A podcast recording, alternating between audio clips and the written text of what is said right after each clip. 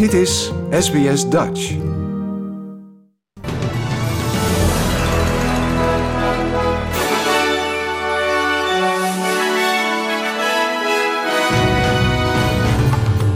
Dit zijn de headlines van het SBS Dutch nieuwsbulletin van woensdag 15 juni. Nationaal minimumloon stijgt met 5,2 procent. Verenigd Koninkrijk annuleert eerste Rwanda-vlucht. En energieretailers en producenten gewaarschuwd voor marktmanipulatie.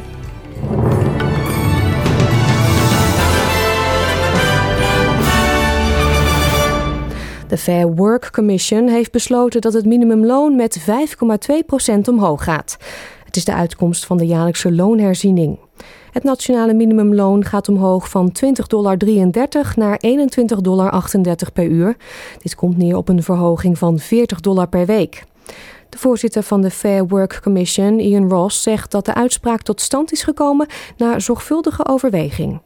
There has also been a sharp rise in the cost of living since last year's review. At the time of last year's decision, the Consumer Price Index and the underlying measure of inflation both stood at 1.1%. The comparable figures now stand at 5.1% for the CPI and 3.7% for the trimmed mean or the underlying inflation rate. De Britse premier Boris Johnson zegt dat zijn regering zal doorgaan met haar plan om asielzoekers die aankomen per boot terug te sturen naar Rwanda, ondanks juridische tegenslagen. Een last-minute uitspraak van het Europese Hof voor de Rechten van de Mens verhinderde de eerste vlucht van het Verenigd Koninkrijk naar Rwanda, waar zeven mensen aan boord waren. Alle passagiers werden uit het vliegtuig gehaald. Premier Boris Johnson zegt dat de regering al verwachtte dat er juridische problemen zouden zijn. We think it's a, a, sensible partnership we've set up with Rwanda. Yes, it may, it may take a while uh, to, to get working properly, but it doesn't mean we're not going to keep going. I think it's very important that we continue to show the people, traffickers, that their business case is being undermined and that they're cheating people. De CEO van de Refugee Council in het Verenigd Koninkrijk zegt dat het beleid niet effectief is en dat de regering samen met Frankrijk en de EU een beleid moet coördineren om in de behoeften van vluchtelingen te voorzien. De wettigheid van het Rwanda-beleid zal volgende maand worden beoordeeld tijdens een volledige rechtszitting. Elektriciteitsaanbieders en producenten zijn gewaarschuwd om tijdens de huidige energiecrisis de markt niet te manipuleren of de prijs op te drijven. De federale minister van Energie, Chris Bowen, zegt dat de Australische energieregulator een waarschuwing heeft afgegeven tegen gaming the system en toezicht houdt op naleving van de regelgeving. Er is een limiet gesteld aan de groothandelsprijs van elektriciteit in Queensland, New South Wales, Victoria en South Australia om de snelle stijging van de energiekosten te beperken. Sa McNamara van de Australian Energy Council, de vertegenwoordigde instantie voor energieretailers en producenten, zegt dat de industrie nauw samenwerkt met de autoriteiten om ervoor te zorgen dat er voldoende aanbod is. Maar ze zegt dat klanten rekening moeten houden met hogere prijzen. This is an unprecedented set of circumstances. Um, some of the issues at play will resolve themselves in the coming weeks, um, but we are still going to see upward pressure on prices uh, for the foreseeable future. Uh, and the important thing to understand is that there are no silver bullet solutions to the situation we find ourselves in at the moment, but the market operator is confident that we do have enough supply available in the market.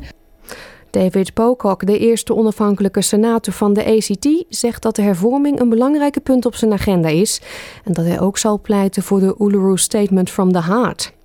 De regering van Anthony Albanese zegt vastbesloten te zijn om door te gaan met een van de belangrijkste maatregelen uit de verklaring van de leiders van de First Nations uit 2017, een indigenous stem in het parlement, verankerd in de grondwet.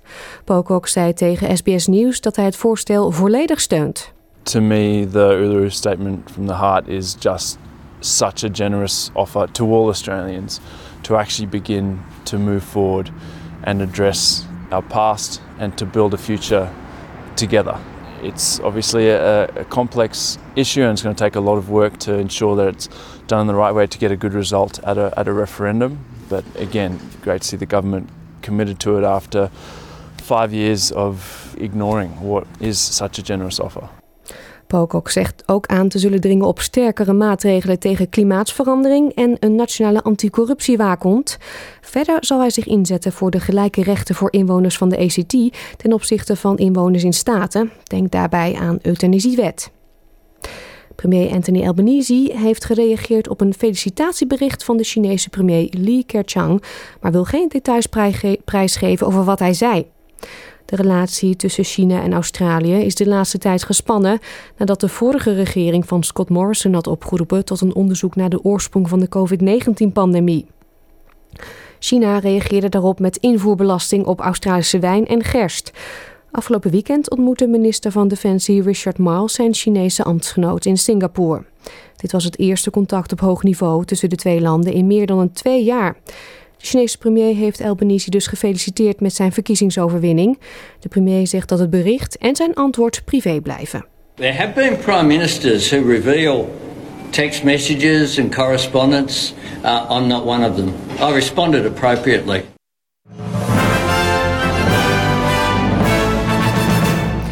Krijgt u tot slot nog de weersverwachting voor vandaag. In Perth neemt het aantal buien toe en wordt het 20 graden.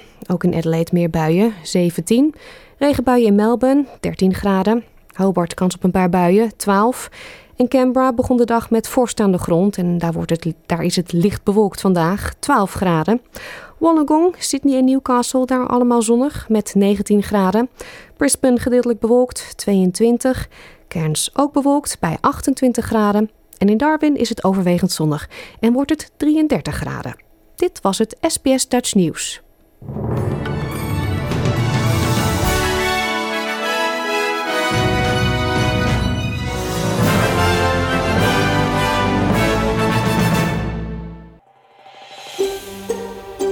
Wil je nog meer soortgelijke verhalen?